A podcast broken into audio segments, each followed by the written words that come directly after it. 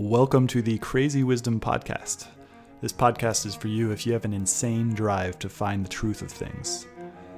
It's not the good answers that we seek, but the good questions. I interview a range of different guests from many different fields, all with the intention to uncover the simple truths that are hidden in plain sight. Most people don't want to go there. I go there. My guests go there, and you benefit.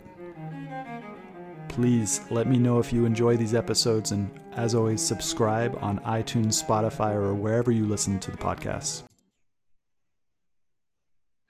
Welcome to the Crazy Wisdom Podcast. My guest today is Mapmaker at LOS Mapmaker on Twitter, at LOS Mapmaker on Twitter. Uh, he is a metaphysical spice trader, cyclical time cartographer, and exotic information import. Uh, welcome to the show. Thanks a lot. I'm happy to be on the show, Stuart. Yeah, we've been mutuals on Twitter for a long time, and it's great to finally get down and sit down with you and figure out what is your spice. My melange. Yeah. So yeah. what is what is your melange? Um, I I there are a number of uh, elements, different spices in the overall recipe, but I think the main one is this concept of cyclical time that I stumbled onto about uh, two years ago.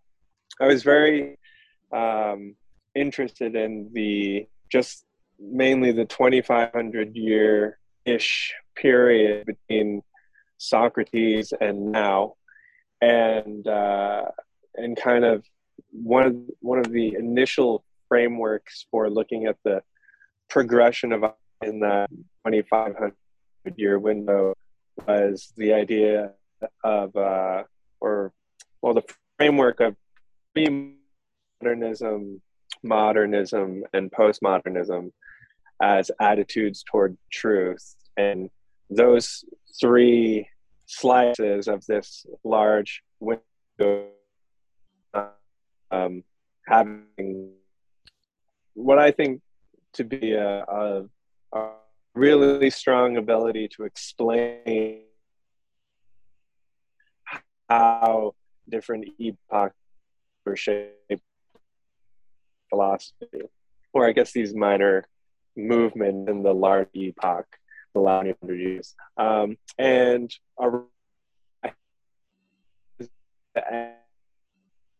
2019, I came across this book called The Fourth Turning, and I had been doing a lot of reading before that.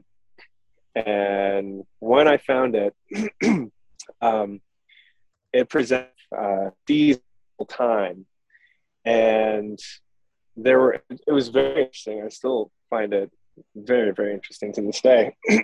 but um, in reading it and really being blown away by it and the kind of predictive power that I saw it having, um, I also saw some holes in it uh, for things that it couldn't really explain. And so I was really thinking about it for a few months. And I realized that um, the writers, uh, Neil Howe and William Strauss, were, even though they were talking about cyclical time in this book, the fourth turning, they were still treating it as linear time. So it would mm-hmm. kind of have this line moving in one direction and it's straight, and but it has repeating sections of four. And when I was looking at that, I well, what if those and this was a big circle. Um, and in that idea, we ended up, my wife and I, designing uh, a kind of uh, map that had a lot of the seasonal historical information from that book in it. And when we put it all in a, a spiral, we saw all of these patterns emerge. Um, we could take any point on the map and we could make predictions about what would happen on the other or even in parallel parts of the map. Uh, and there are a lot of things that you can find in it, and I, I've found uh, a number of rules, and so that's been what my broadcast, which is Leaning Podcast, has been about on YouTube. Melange is it's you know it's part history, it's part religion, it's, it's uh, little bit of philosophy and anthropology, but it's mainly all under the umbrella of exploring cyclical time.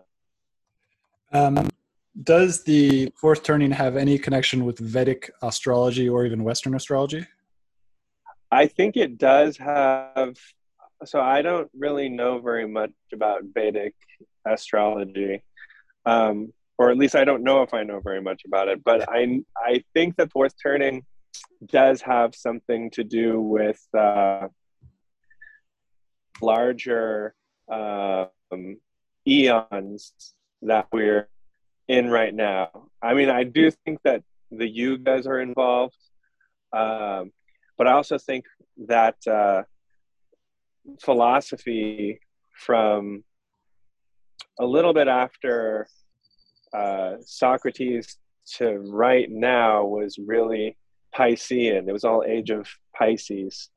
And a number of mathematicians and uh, physicists have said and calculated that we're somewhere at the very beginning of Aquarius right now. And, um, and Aquarius has certain uh, philosophies or attitudes, I think, toward the universe that are very different from the age of Pisces. And so I definitely think that like when I look at what I've seen so far of cyclical time and I see the fractal nature of it, it's like you you really do have wheels within wheels. And when you get when you zoom out to the larger wheels, it seems like they do line up with uh, the astrological ages. So I think that we're right at the end of Pisces right now, the Piscean wheel, and we're right at the very beginning of the Aquarian wheel. And and you can see a lot of very interesting things that like alignments really with historical with narrative information um, that are showing up. So yeah, I definitely think it's involved. So the this Pisces things, I don't know much about Pisces. I don't know much about Aquarius. I've heard a bunch about Aquarius. Um, it's really funny because I grew up in an area that is now I would consider the birthplace or the training grounds, the boot camp of scientism, and uh, mm. the Bay Area.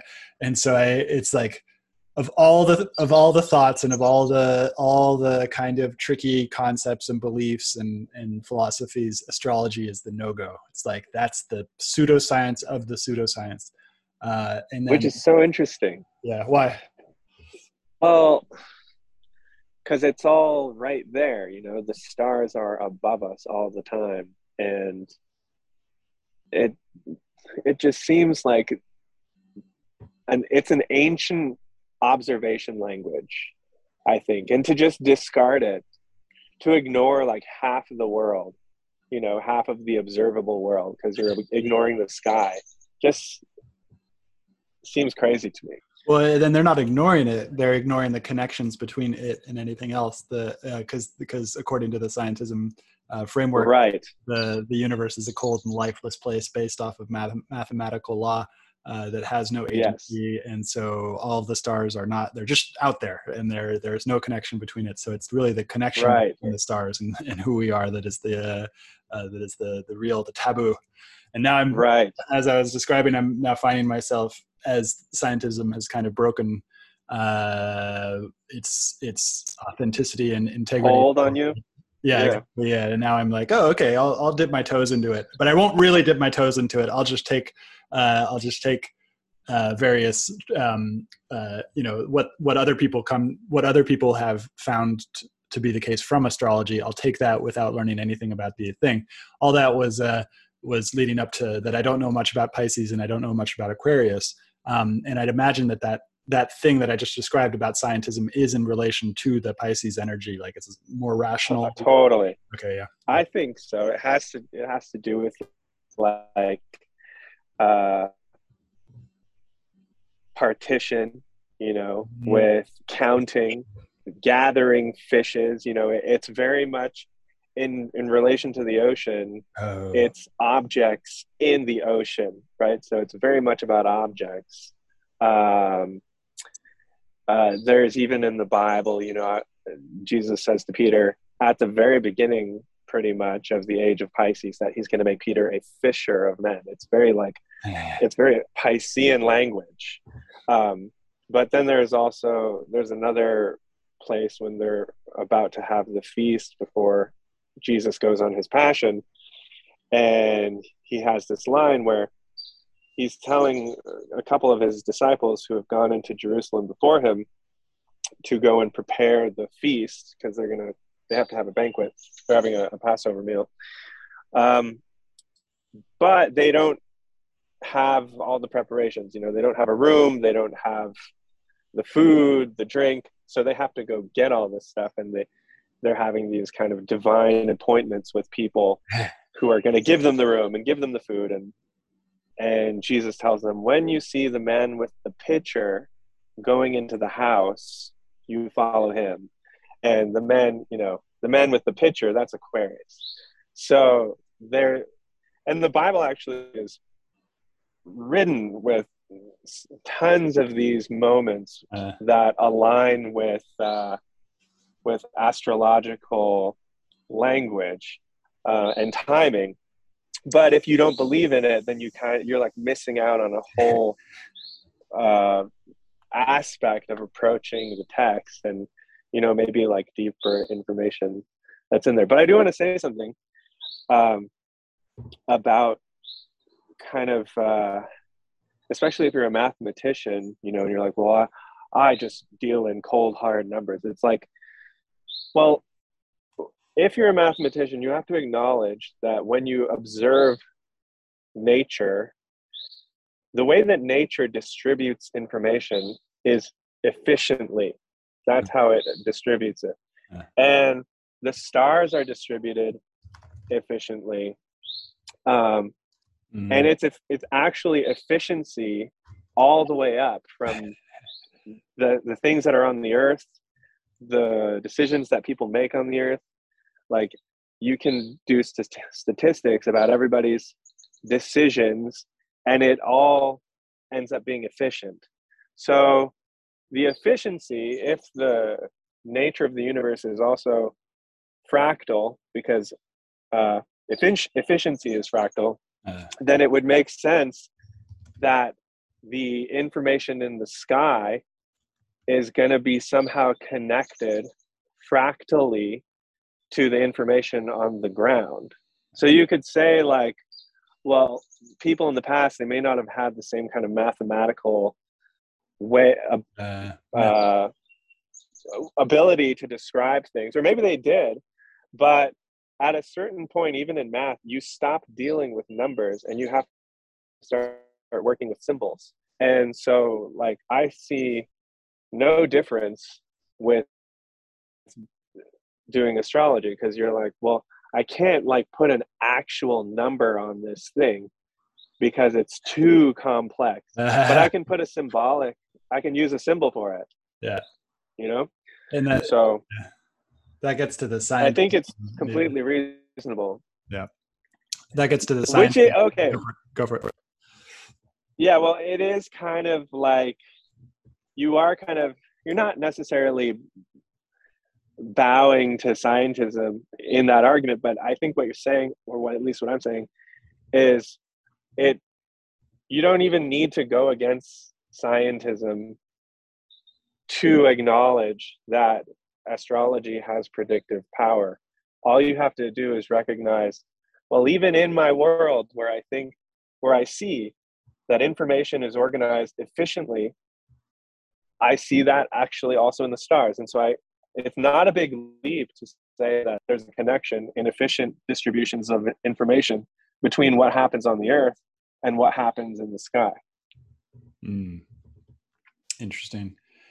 Um, so the, let's go back to the Socrates, the 2,500 years in between. Uh, it keeps on coming back to the uh, meaning making series, or no, it's the Awakening from the Meaning Crisis by John Vervaeke, because he he lines mm. it hmm. up really, really well, which is all these we're just building up to this time in 400 BC, 300 BC, where Socrates, Plato, all these all these just giants of of philosophy started to yes. all be in the same place. Uh, and then not only that, but you also have Lao Tzu and Confucius and all like, and then you have the, the Buddha, all of it happening at the same time. Um, mm-hmm. And and then it almost, you know, and then then philosophy had to deal with those what those ideas were, and there was back and forth. And then Jesus came, and all of a sudden there's a dark age for a thousand years. Um, right. So uh, what like what about I'm so interested in dark ages and golden ages. It feels like California, my birthplace, has just gotten out of a golden age, is now entering into a dark age. But now we have this kind mm. of like a sort of a golden age that's arising in terms of the internet. Maybe that's the Aquarian types of thing, and that leads into a question about what is the relationship between science, technology, and this Aquarius energy. Um, but like, where I'm so interested because I've asked a lot of people this question: is like, are we in a dark age or are we in a golden age? Um, and it kind of depends on what the frame of reference that you're talking about. Because in California, it seems like a dark age. Um, right, right. Well, yeah, I, I think I think it's a dark age for certain people, and a golden age for other people, and it's it will be a dark age. It'll continue to be a dark age for people who adhere mm. to Piscean Piscean set of values because that whole era, that epoch, eon age is gone for now. It's not going to be around yeah. for, you know, another 24,000 years. so it's it's done for now. Um, and I think what we're seeing right now is the end of a whole bunch of cycles at once and and part of the reason why certain things seem so bleak is because there are people who have established their power and authority and holds on resources based on structures that they built out of the philosophy of the age of Pisces. Uh... But since that philosophy is crumbling, and since this new age is dawning, they're oh. panicking because they're going to lose everything that they built on stuff of that age. And so, people who want to continue acting like it's still the age of Pisces, it's going to be a dark age for them. And eventually, everything's, they're going to lose everything because it's all just going to be darkness. Whereas people who embrace the age, the golden age, the dawning golden age of Aquarius, those people are going to be very happy. I mean, for now, you're you're going through birth pains because this yeah. new thing is being born. Yeah. Uh, it's that it's that's what it feels like every for the past two years. Actually, it's been longer than that for the past seven years. It's just like this one giant birth pain of creativity, and I know it's leading somewhere good, but it's so fucking painful right now. Uh, uh, you can see with like you can see like say take censorship, mm-hmm. Uh, okay, so well, let's go actually back to Plato. Mm. So one of Plato's biggest contributions to the way that we perceive the world was his idea of a perfect a god who is or that is a perfect being and since it's perfect it's necessarily an omni being so, th- what it means to be philosophically perfect for Plato's God is that this God is a an object that can experience or that can exhibit no change, uh. which means that no new information can ever occur to this perfect being, object God, because new information would produce a change in the perfect being and therefore disrupt the perfection and make it not God.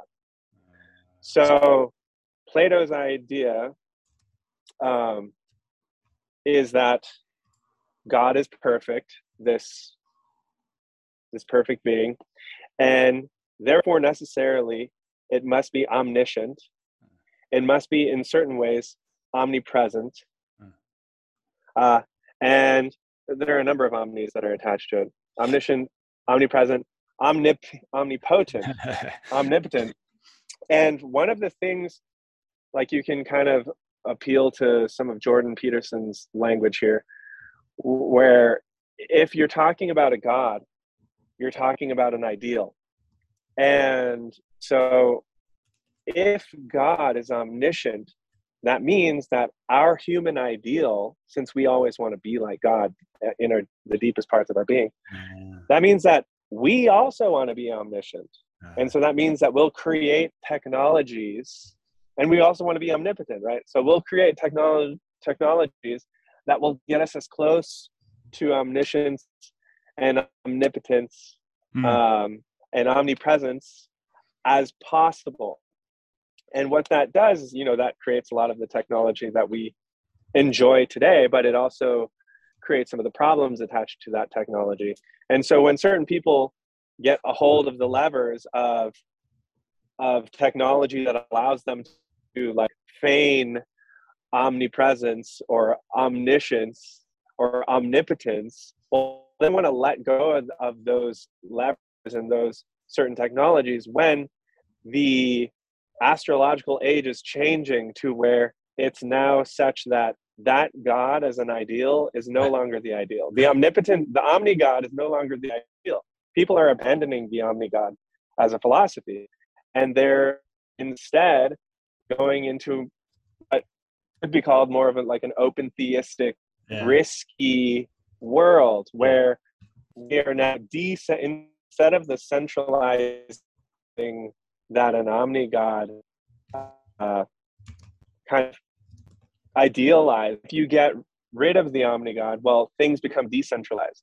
And so the emergence of this decentralization i think is a manifestation of the change of astrological ages where in aquarius you know in the bible i think it's in revelation somewhere it says that um, the the wisdom of God will be poured out on all men.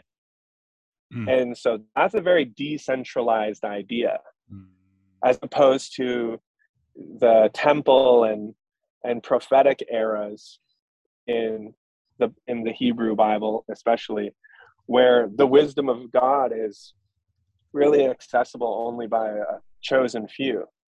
But in Aquarius, it's very different it's for everybody. And so i think at the deepest levels of what is actually going on that we're we're experiencing a change in in ages where the the actual philosophy of god is shifting. But not everybody knows it yet. But i i think at the, at the deepest levels that's actually what's going on. Yeah and it, it, ties in with something I've always felt throughout my life, which is that I, the world that I was born into in Silicon Valley and all these this this place that was very rigid in its thoughts, but also very open in some some thoughts, as long as it fit within that Piscean energy, um, w- was that I didn't belong there, and and it seemed like everything was crazy, but nobody everybody was denying the fact that it was crazy and now mm. with the last two years it's like it's clear i was right. I was right when i was a kid that that everything was insane and that the original impression was was was accurate. And that now i feel more at home in this new world even though it's more chaotic it's more painful. Um, the golden age of my birthplace is now feels like it's coming to an end but this feels more realistic. Um, what do you in, in what in what way would you say your upbringing was crazy well, just like it's the it, it's the the self-fulfilling apocalypse uh substrate. Like all the conversations i had when i was a kid with my parents with my friends parents it was like all of them were like okay the world's coming to an end. We're gonna mm. we're gonna enjoy it because you know we're part of the boomer age but you guys are fucked. Oh yeah yeah. Uh, yeah yeah. and so then i took that when i was a kid. I was like okay so there's an apocalypse coming going to enjoy the shit out of my life right now because everything's coming to an end. But then I realized that that was just part of an ideological bubble that said that yeah. everything is coming to an end uh, and that they were all crazy and that it was like that kind of that that you know apocalypse has always been the prediction because we can't have it this good because Yes. life gets Yes. better and better and we this got to end right um Did you grow up in a kind of like evangelical type family or no this is no just uh pure uh kind of like engineers uh Oh, really? Yeah, yeah. they're like the cl- the climate is Yeah. uh you know in a downward spot. Yeah, that's like secular apocalypticism, which is really interesting. I mean, I don't find it interesting actually. It's sad. yeah It's Yeah. just weird that it it exists no matter what. You know. yeah it's it's so great that you brought up the evangelical part because the because that now i've never i haven't had much contact with evangelicals and and you're right that that that is also a deep part of the evangelical kind of thing was that is that there will be an apocalypse there will be a uh, what is it the the rapture and everything like that and then uh, Right, right. Yeah. So it's just like Yeah, it's- be- regardless people think it's going to end Yes. Yeah, because well they do they have this uh for whatever reason and I don't think it's actually necessarily in in the Bible. I mean I, I guess it is in a way, but not really. I think I don't think the Bible is really a linear history type of book. Like there is an end of a certain age, but it's not an end to time because time is cyclical. Even like in the book of Ecclesiastes, I think it's chapter three. Um, and it's quoted in that song. I forget who does that song. Turn, turn, turn. Um, but it's it's all about for everything there's a season Mhm. you know uh, and that coupled with all the astrological information that's in the book you think you would think that people would think like oh well you know time's going to keep going on but for whatever reasons uh, evangelical christians and i think christians in general think that uh, you know time is going to end when jesus returns and then there's just going to be we have no idea what it's going to be like but you know time will time the line of time will have been ended. But i i don't think under any reading of the world or the things that are in it that that makes any sense. I think that we just do live in a cyclical universe well, so that brings to mind, like you talk about Plato being this Pisces, the giant giant of Pisces, and then Jesus seems like he's a giant of Aquarius, but just born two thousand years too early. Is that accurate? yes i think so I, I think that i i don't think that jesus is a piscean even though he's born at the very beginning of Pisces. um and I, think i think that for a number of reasons. Um you know it's really interesting to look at the story of socrates and compare it to the story of Jesus. Because you know they're both uh, taken for the, the uh, judiciary of the city and they're charged with basically corrupting the youths you know? And um, and they're both you know uh, Socrates has a cup what hemlock given to him you know which he actually takes gladly interestingly, in contrast to Jesus, who prays God, if there's a Father, if there's any way, you know, that you can take this cup from me. Um, there's a the stories have a lot of uncanny parallels. Mm. Um, Mm. The main difference, though, is that story of Jesus, he rises from the dead in his actual body, um, which is very different philosophically. It's a lot more material uh, than Socrates' idea, which is that you have this soul that can existing beyond your body. I don't think that Jesus had that philosophy where he believed that even though he died, his soul would live on. I don't, I don't think that that's even like part of the Hebrew worldview. Oh. But um, yeah, G- Jesus is not a Piscean. I I don't think because he also somewhere in the New Testament there there's language I think maybe from the Apostle Paul where it's talking about how like when everything when all is said and done the goal would be for for people to not even have to through jesus to get to god like they would all be able to go to god in and of themselves mm.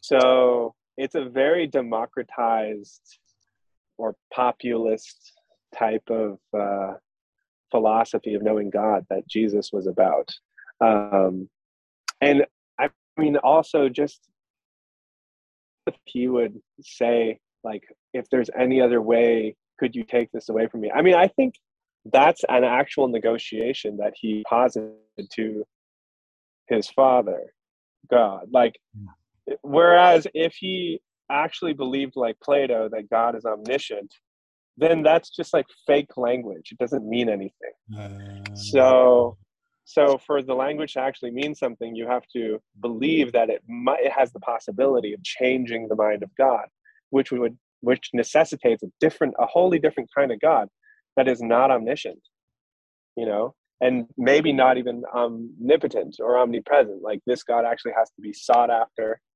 and then you got to talk with him and see if you get on the same page, you know. So it's very different, and I I think that Jesus is of a completely different theological philosophy than uh, Socrates or Plato was. And we've we've been we as a Western civilization have essentially been mistranslating him according to the Piscean uh, Piscean. Absolutely, one hundred percent. And I and that leads into your comment about um, how after Jesus, like a couple hundred years after, there was basically a dark age uh, and that dark age is not because of anything Jesus any any part of the philosophy that Jesus might have communicated. It was over certain um, Greek thinking, uh, Roman intellectuals and Greek intellectuals.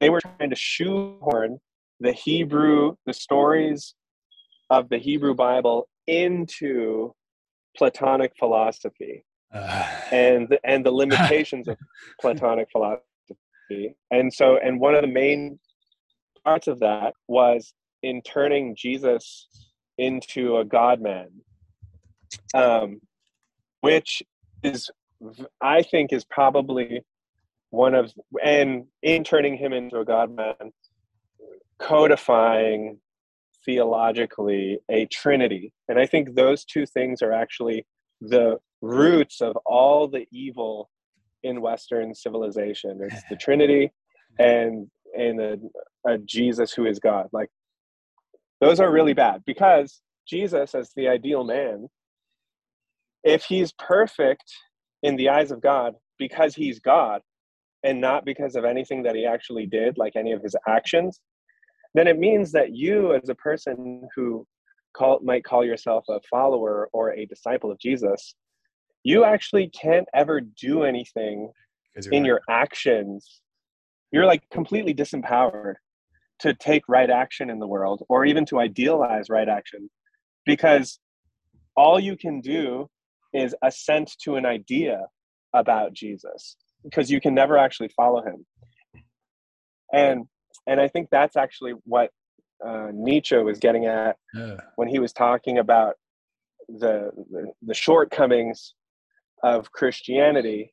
Um, I don't know if he really put his finger on the God man problem. Of course, I haven't read Nietzsche as well as I'd like to, but I, from what I've read of him, I haven't seen him put his finger exactly on that point. But I think that actually is the the problem. It's not that that Christians believed in grace or mercy or, or anything like that. I don't think that's the problem. The problem is that their theology and anthropology very quickly after Jesus, let's say, rose from the dead, it changed from being something where Jesus said, Follow me, which implies like, follow my actions. And it it turned into believe that I am God, which is he never said that. So when you change that ideal from right action to right thought, you create a lot of problems. And and that's why we have, you know, uh, struggle even now between ideals. Like some people are like, well, you have to think the right way. It doesn't matter. And you know, you have people who, let's say, exhibit right thinking, but they act totally against even what they profess. But since they think the right way, we forgive them. Oh, it doesn't matter what they did. They think right. Whereas there's another faction that says like, okay, we don't care what you say, you think. We actually care if you do the right things. And so this is uh it's also kind of a manifestation of the the change of ages where we're now we're leaving that I see in idealization of thinking quote unquote the right way according to whoever's rubric or ideal and we're switching to action. And i think like even in the bible it's really interesting because uh, i think it's in the book of matthew. There's a little section where jesus says to his disciples be perfect as your father in heaven is perfect and that they're perfect I think it's teleios which in the Greek, which has to do with telos, which is action, like and goals. So you're doing things. It's not platonic perfection, which is a perfection of substance, which is very different. It's about action. So Jesus, even from the very beginning, Jesus was all about action, right. and the Platonic philosophy robbed everybody of that. Um, so, so yeah what um, there is an interesting chain of thought. We've been talking a lot about the Greeks, the Romans, the Hebrews, Jesus. Uh, this the kind of the foundations of what we now know as Western civilization. And then there's another interesting thing that ties into it of right now, which is postmodernism and the kind of wholesale abandonment of the validity of of the the Western tradition and and you know it's all oppression and all like it's it's like it's it's and so then the abandonment of that and then what is the focal point of the new one which is eastern thought and of course it's not contemporary eastern thought it's ancient eastern thought that's been translated right. through western thought um, and it's it's it's there there I, I like an author called david hawkins and he talks a mm. lot about how jesus offered salvation and salvation is getting to the level of unconditional love uh, and buddha taught enlightenment which is getting to the point of no self or self with a capital s although according to a lot of buddhists that i read that they say there is no no self. It's all anatta. No there is no self with a capital s. It's just anatta no self. Uh, there is no such thing that you hmm. point to that says there is a self. Um, uh, and so but that now there's like a wholesale abandonment of that western tradition and a and a, and a kind of like a, a, grasping for this eastern tradition even though most of it has just been recycled western thought into eastern language. Um, and what do you think about that whole thing where where and what, how does that fit into the aquarian age of this kind of clash between western and eastern traditional thoughts over the internet? Yeah yeah. Well i really like John Vervaeke on this, and he turned me on to a number of books in his lecture series from his lecture series, uh, which I'm only it's 52 episodes and they're all an hour long, and I'm half I'm I think I'm on like episode 25 or something. They're, but they're so good. I I do plan on finishing them. Uh, I think you know if most people who are interested in these topics would just watch Jordan Peterson's biblical lectures yeah. and John Vervaeke's yeah. 52 episode series. I don't what the meaning crisis. Awakening. I forget the name of it. Awakening. Awakening from the meaning crisis. Yeah. If they would watch those, like li- their lives would just be completely changed because as soon as you have language for what you're experiencing, yeah. uh, a lot of things can change for you mm. and um, you know you can be a lot more purposeful in about your navigation through the world and you know maybe adjusting certain things in it but one of the things that i really like so much about john vervaeke is in the beginning of his series he talks about the difference between propositional knowledge and embodied knowledge mm. and i think that what the west has been really good at and leaning into for the past 2500 years has been propositional knowledge um, which is not bad i think that propositional knowledge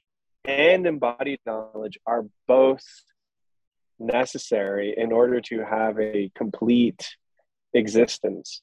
But when you own when you only embrace one form of epistemology um, you know at the expense of the other to the limiting of the other the word is escaping me right now but you you miss out on a, on a lot in the world. And i think you invite a certain kind of tension into your life because you're saying no to something that is kind of like the antipode of the thing that you're embracing like for example if you only were into embodied knowledge like I think you'd miss out on some of the beauties of propositional knowledge and the other way around. And so I think that we're that postmodernism, which is essentially um, kind of the rejection of propositional knowledge because mm-hmm. propositional knowledge follows reason and reason is extrinsic to well they argue that reason is extrinsic to the human body and mind and that it's this thing that we're appealing this third thing we're appealing to out there when we communicate with some other person so like it's an arbiter you know and we we have a negotiation here so there's me and there's you and if we want to communicate we have to appeal to this third thing the arbiter which is reason and that allows us to communicate but reason you know, not perfect.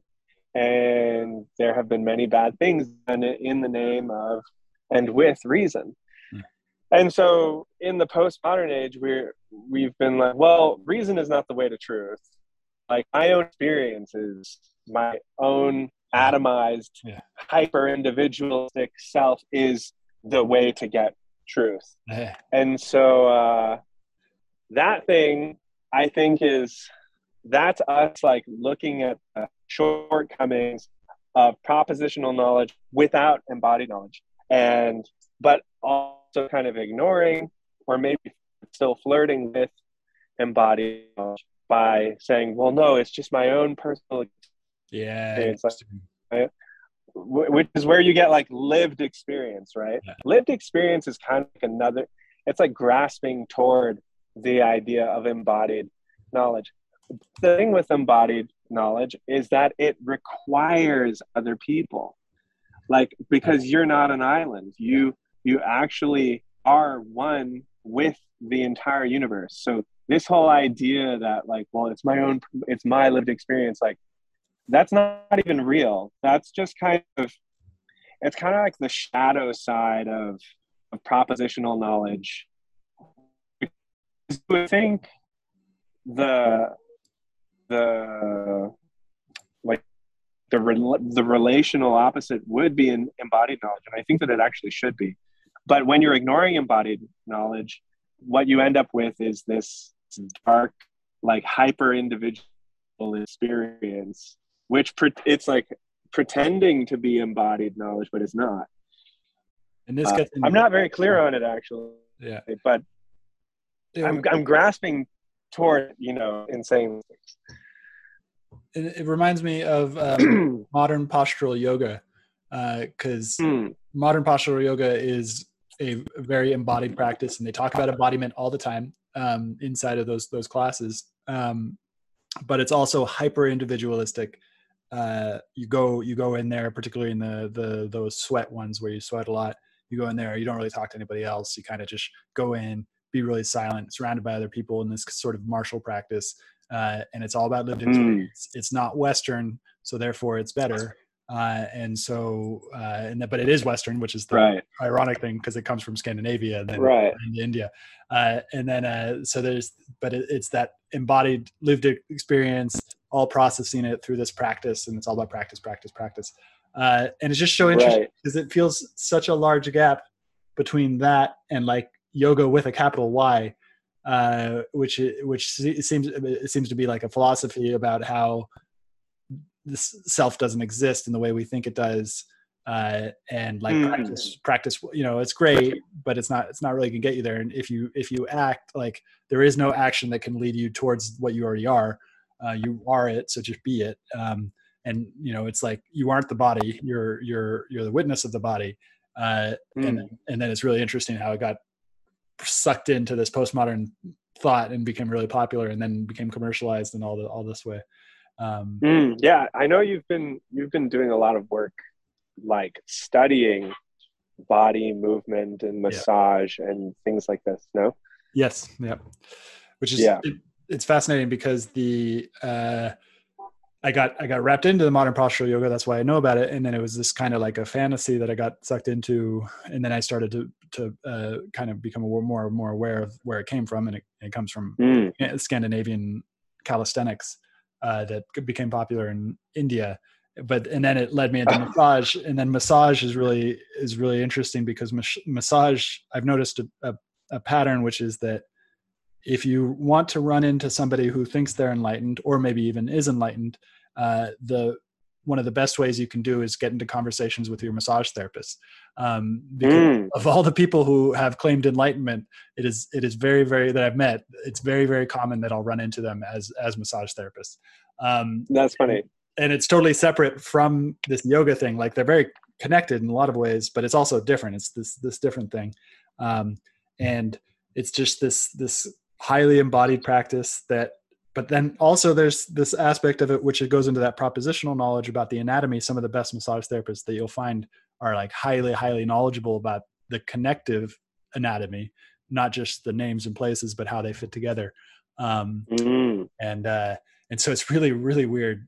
It, it, goes into kind of what we've been talking about is you you said you know we're entering a new age. There's a new age new age philosophy. Yes. And yes. philosophy is very very very very popular among body workers um, and I guess it is that clash between the Pisces and Aquarius inside of the body workers because they all they all know the anatomy really well, but then they all can connect the anatomy too in ways that doctors can't really do often. Mm-hmm. Um, and uh, yeah, in a, in a more embodied kind of global way. Yep. Right.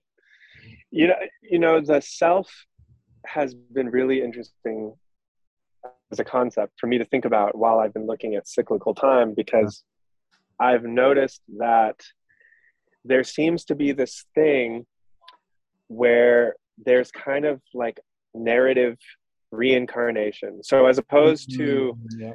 kind of the the the idea that you have this spark in you that if you don't learn everything that you learn needed to learn like yeah, you're going to get reincarnated right uh, but that's like ontological reincarnation and i mm. I, I don't know honestly, I don't know enough to really say for sure or to even have an opinion on this. But my suspicion, based on the larger patterns of what I've seen, is that the ontological interpretation is usually wrong or leads to bad things. It leads to like the destruction of information. Whereas teleological action goal oriented explanations of things usually lead to an increase in the creation of, and preservation of information. And that's also called life. Life is information creation, yeah. whereas death is information destruction. And the ontological approach to things usually uh, precipitates destruction of information. This is just what I've seen. So, my suspicion is that ontological reincarnation is a mistake. And and i take this really from my observations of the cyclical the wheel the cyclical time wheel that i have been looking at because i see characters in certain situations with certain constellations of relation across and in parallels on the wheel where they'll have the same names, they have the same exact stories, uh, they're working on the same kinds of problems, and and they don't know about each other. And there's not some conspiracy. It's just you look in the wheel and you see that there are these relations. And it seems to me that there is a narrative reincarnation going on where the information in the wheel is composed such that it necessitates the creation of a creature that will receive the narrative information that it's born into. And so I see that as like a teleological reincarnation. And I even think, you know, people, individuals and groups of people, if they really looked into it, they could probably locate what narrative reincarnation they're a part of. And if they located it, you know, it would help them with figuring out, well, what should I do with my life? Like, what waves of information should I try to be a part of? Because the wheel of time, if you can figure that out, is like for you. Whereas if you are not going with the flow yeah. of the information, you're trying to swim against the current. Well, you're just, it's a losing battle because you can't beat time. Mm. And so um, I do think that the narrative uh, structure of the wheel and the people who show up in the wheel and then receive all the information around them, they're like, they're kind of like radio and receivers. Yeah. They show up, and because of their dimensions, you know, the thickness of the rod, the material of the rod, or whatever, they're and the the just everything going into receiving radio waves, they can take in whatever amount of information and then they can be the character that the wheel of time is calling them to be. And i don't think it's deterministic. I still think you have freedom but it's just the information around you is such that like if you open yourself up to being what the wheel wants you to be you will be you nothing can stop you from yeah. being what the wheel wants you to be.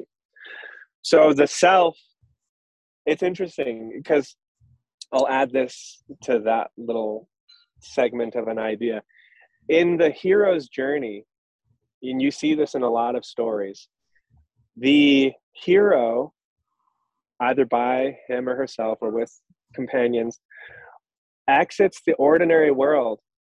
Like, let's say the ordinary world is the town, you know, and they go into the extraordinary world or the underworld.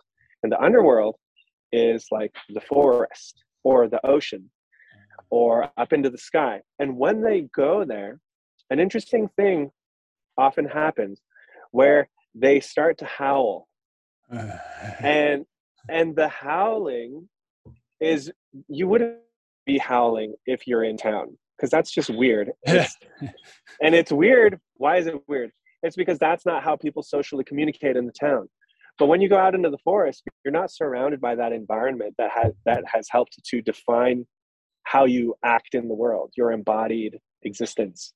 And when you exit that framework and you're now in the forest, you're in the chaos in the underworld, you return to kind of like an animal nature and you start howling.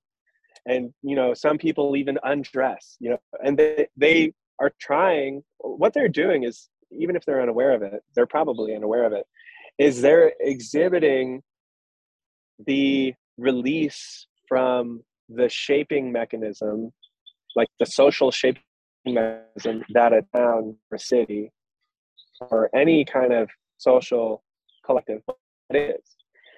And uh, I see Aquarius being like that, perhaps, where people will kind of re- return to more of because uh, it's Aquarius is all it's water, it's, which is mm-hmm. also chaos.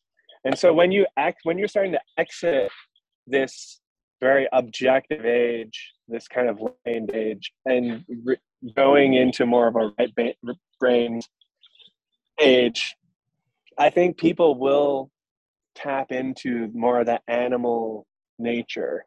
Um, so I think that's for for a number of reasons, but you know, also for that. The um, ontological interpretation and narrative reincarnation is a really interesting thing because it ties back into that it's the notion of the self. Because if i'm if i'm accurately interpreting the sages who i believe are enlightened or awakened um, they talk a lot about how this thing that we think we are uh, as some might say the ego or the body mind is not stable it's in no way stable it's constantly changing and it's just a thought it's just a concept that we have of who we are and who mm-hmm. we really are is beyond concepts and so it can't mm. be put into a form um, and so it's interesting to talk about that reincarnation the narrative reincarnation because it's all a narrative like everything is a narrative except for our own being which is beyond the narration yet is also constantly creating the narration as well. It's like constantly coming out of that creation. Um, what do you think about that? Yeah it's kind of like you your individual or what you call individual experience or existence is kind of like a spider web mm. where the world the world and you like people i i noticed this about myself. I used to think like oh the universe and me. It's like no you actually are the, also yeah. the universe. Yeah. Yeah, yeah yeah. And which is you know that's like one of those deepities but it's it's really profound actually. You know when you think about it it's like oh my like if you really think about it not just say it because it sounds deep and when like, you feel it. really dwell on that it's unnerving i gotta say. Yeah. But it's kind of like i do think that the world if you wanted to make it kind of two dimensional you could say the entire universe is like this huge spider web and you yeah. are at this for your what you experience as you you are center of it for your experience. Yeah. yeah. And but you also don't exist without the rest of the web.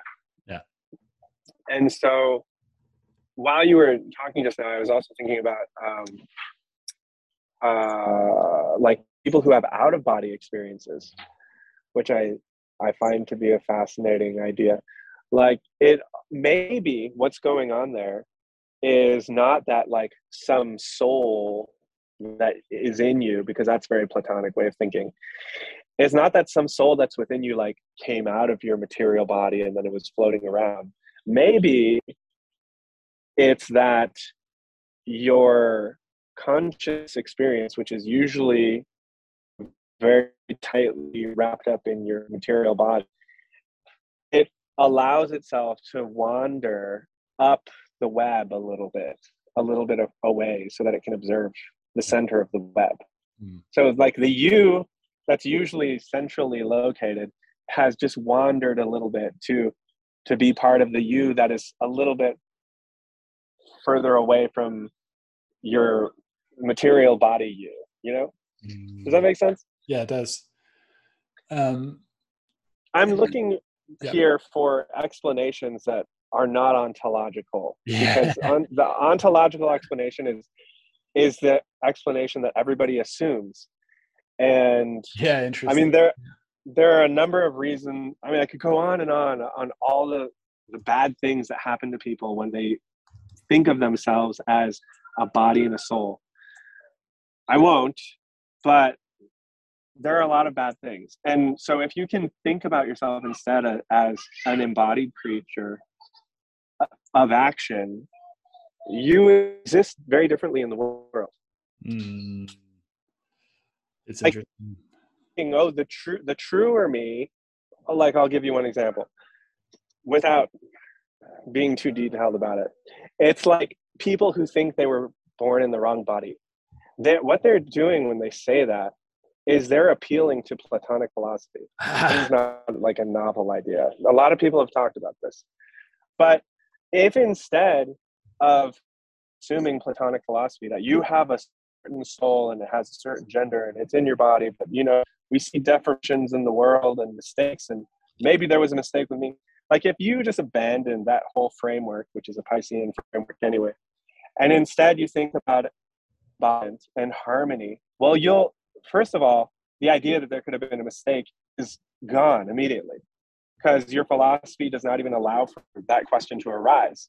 And instead, if you are feeling any kind of confusion, perhaps, what you do is you ask yourself how you can go about increasing in living in harmony with yourself and the world around you.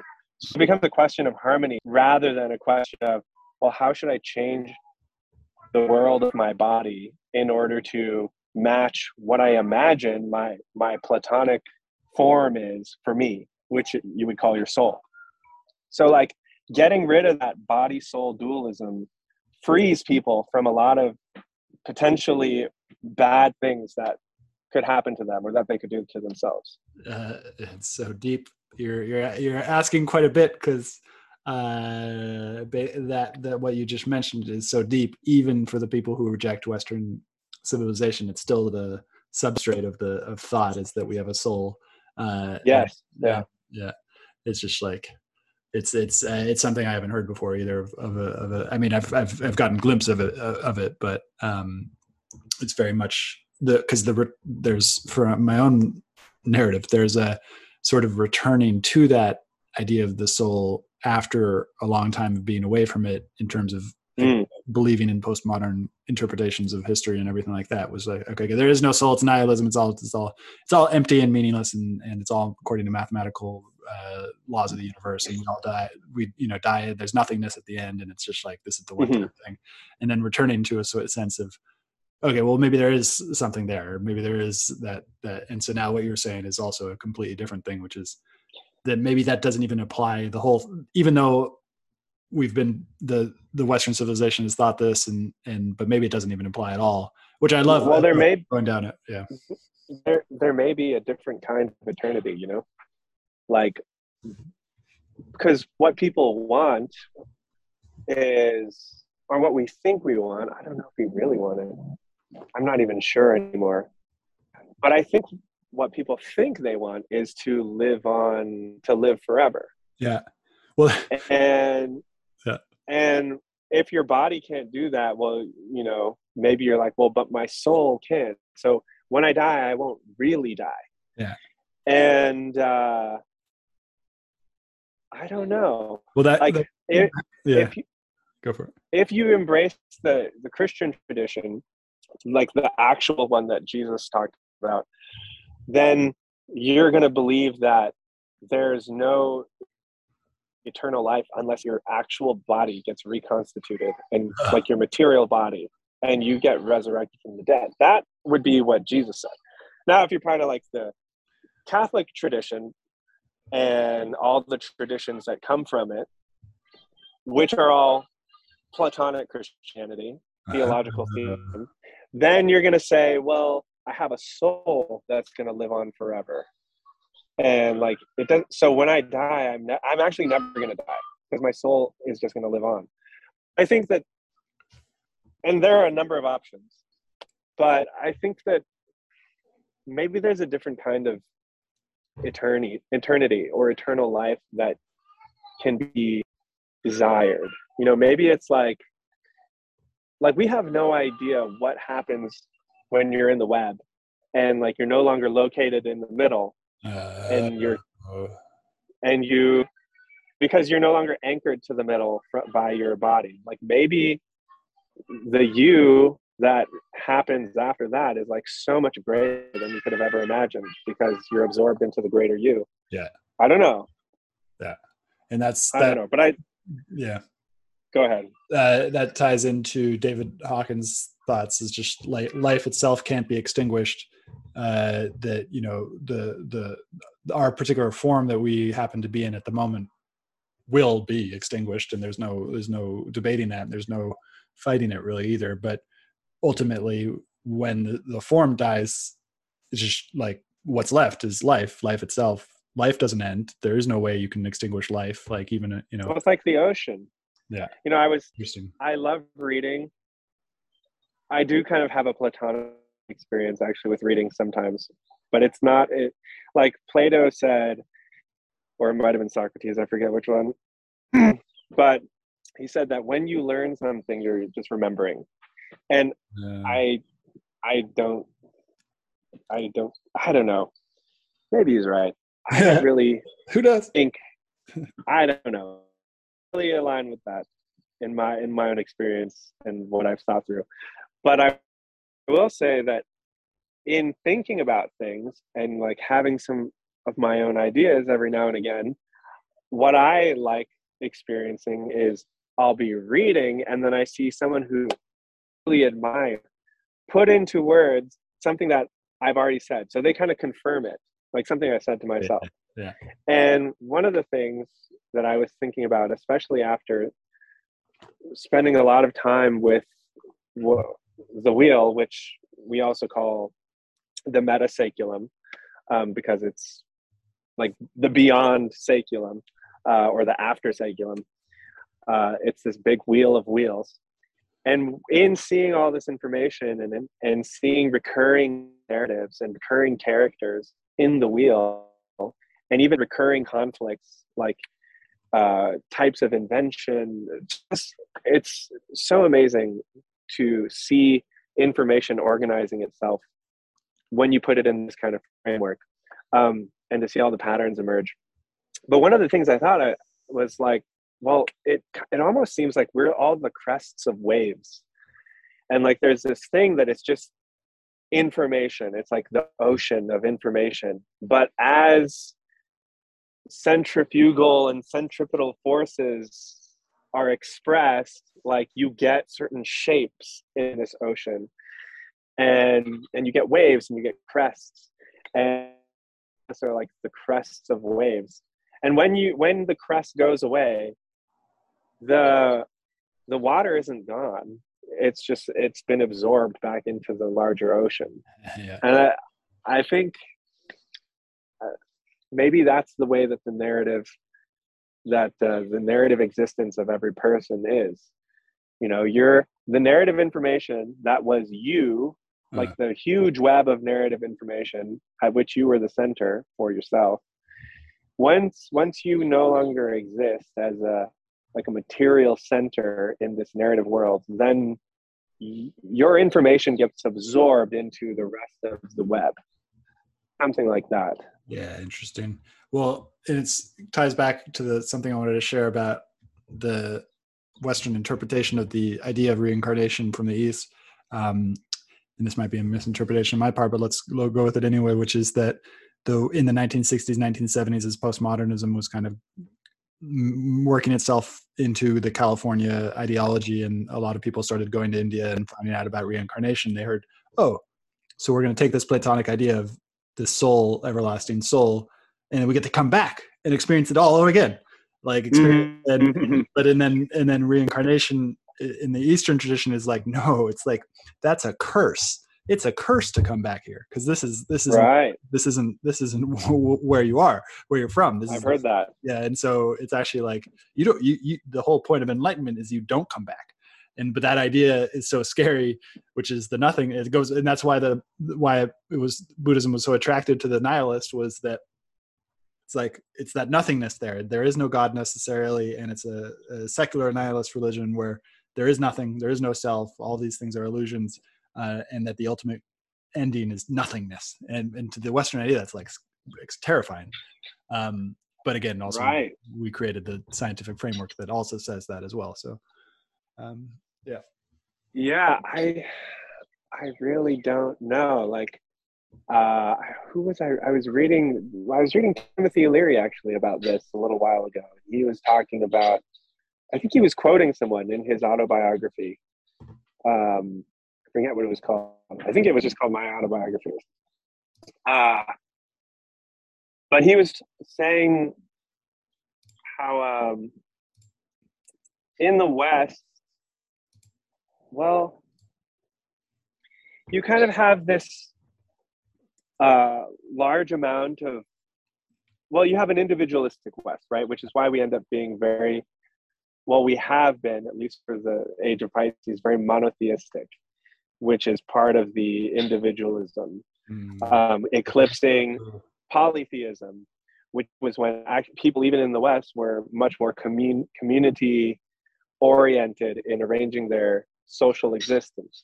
Mm. Uh, in, in the East, I think it, what Leary was talking about had something to do with the castes, where like you couldn't move between the castes and so something in there affected their thinking on afterlife. Yeah. Uh, you know, I'm really not remembering it right now. I apologize, but I do find it interesting that their ideal would be not to exist, whereas our ideal is to go on existing. And I, I think I could say for myself, like, why might I want to live forever? Well, I would probably love to just continue reading, you know, and and exploring the world. Yeah. And and getting to know people and going on adventures. Yeah. But but maybe you get tired of that at some point. Yeah. You know? And and maybe you would desire to just rest. Yeah. And who knows even why you could say, oh, well, I do really love to read, but, or I do love to travel, or I do love to do whatever. But then, you know, a, a guy like Ernest Becker is going to say, well, that's just your, your individual hero project that you're embarking on to try to justify your short existence on the, on the earth. And I really like him. Um, and I think, I mean, I don't, when I was reading Ernest Becker, actually, that was one his book, The Denial of Death, is probably in my top five books that I've ever read, Oh, wow. or t- even top three. It was. I'm going to read it again. I read it two years ago, and um, gosh, it's just it's very difficult to say. But I do, I do wonder. I'm rambling here, but I do wonder why is it that people in the East idealize non-existence and people in the west generally idealized idealize continued existence Mm. personal existence. Mm. why is that? I don't know or i don't remember. I mean i did i did read leary writing something about that that i thought was very profound but i forgot. So for the last five minutes left, uh, what is if if there's people listening to me? I imagine these types of people are listening to me. Is that somebody who didn't quite feel at home in the Pisces kind of era and is looking forward to the future, kind of recognizing that something profound is happening and it's might be leading to kind of a beneficial uh, beneficial set of circumstances to them. Uh, what would you suggest preparing themselves for in terms of this change that we're undergoing for Age of Aquarius? Well, I can't explain it in five minutes, but I can point you conveniently, actually, you kind of teed me up here. I can point you to my broadcast, my YouTube channel, which is called, it's youtube.com forward slash the conch republic. And I've done about six or seven videos there on this cyclical time theory, um, which is not new to me. Like I didn't invent this, yeah. and a lot of the language in it is not even my own. However, I do think that I and some of my friends with me have made a massive uh, contribution to this theory to actually like flesh it out so that we can make real precise predictions about the future and the past with cyclical time and certain organizations of it. And um, I bring that because what I've seen is that if you take the last 80 years, according to William uh, Neil Howe and William Strauss, the way that they partitioned these saeculums, they're they're rough 80 and 100 years wide and they have four parts and um, each the beginning will be a spring the second season which is 20 years wide will be a summer and then you have a, an autumn 20 years and then the fourth turning each one of these is a turning the fourth turning is the winter and it's the crisis turning mm. um, and there are a number of things that occur in a crisis turning like art becomes like quits moving uh, because the narrative ground i think is frozen and therefore new idea it's very hard for new ideas to take Mm. into the winter culture and even you can look for us like it's very clear you look at the past 20 years up until really kind of 2021 is when it started to change i think when we started getting new stories Mm. But uh, it's all been like superhero movies and this atrocious pop music that I. I really cannot stand. But that is all ending. Um, and you kind of saw tremors of that ending beginning in, I think, 2015, where this kind of transition, like the death of all that, started happening. Um, but okay, so what I've seen, and this was the, the big development that we made with the cyclical time theory Strauss and Howe talk about, is okay, you have these 20 year segments of time and season. You also have lar- the whole 80 year, say, what's called a saeculum, which is a collection of four seasons. That whole large season also has a seasonal theme. So you could have this of an 80 year summer. And so that whole collection you you have a spring of summer, you know, summer of summer, fall of summer, winter of summer, and because each one of those smaller seasons exists within a larger season because we're dealing with wheels within wheels, they're all going to be colored by it. And what I've seen in a very precise fashion, it's it's actually kind of freaky um, when you look at this, is that these micro seasons will map to the larger seasons that come after them. So, for example, a 20 year season that's a spring, or sorry, yeah, for a spring, but I'll go with the summer because that's what we're in right now. So, a 20 year uh, wide season that's a summer, which for us was 1960 to 1980. It will be a micro version of the macro summer that's coming. So what we just had was a was a, a uh, meta spring. Yeah, and it. so now we're into a mess summer. And so if you look at 1960 to 1980, that is all a map for what we're going to experience for the next 80 years. Uh, and so what I would say to anyone and what I've been doing for myself is it's kind of like terroir. Uh-huh. It's like you can look at this wine and you can say, "Oh, what from? What year is it from? Oh, that was a good year. That's a good region." You can take information and movements that happened between 1960 and 1980. And that's the thematic soil for what's going on from 2020 to 2100. I'm 100% certain. Like, I've seen too much of it as I've been looking at this map. It's just crazy. So, and I know it sounds insane, but I don't care because I've seen it.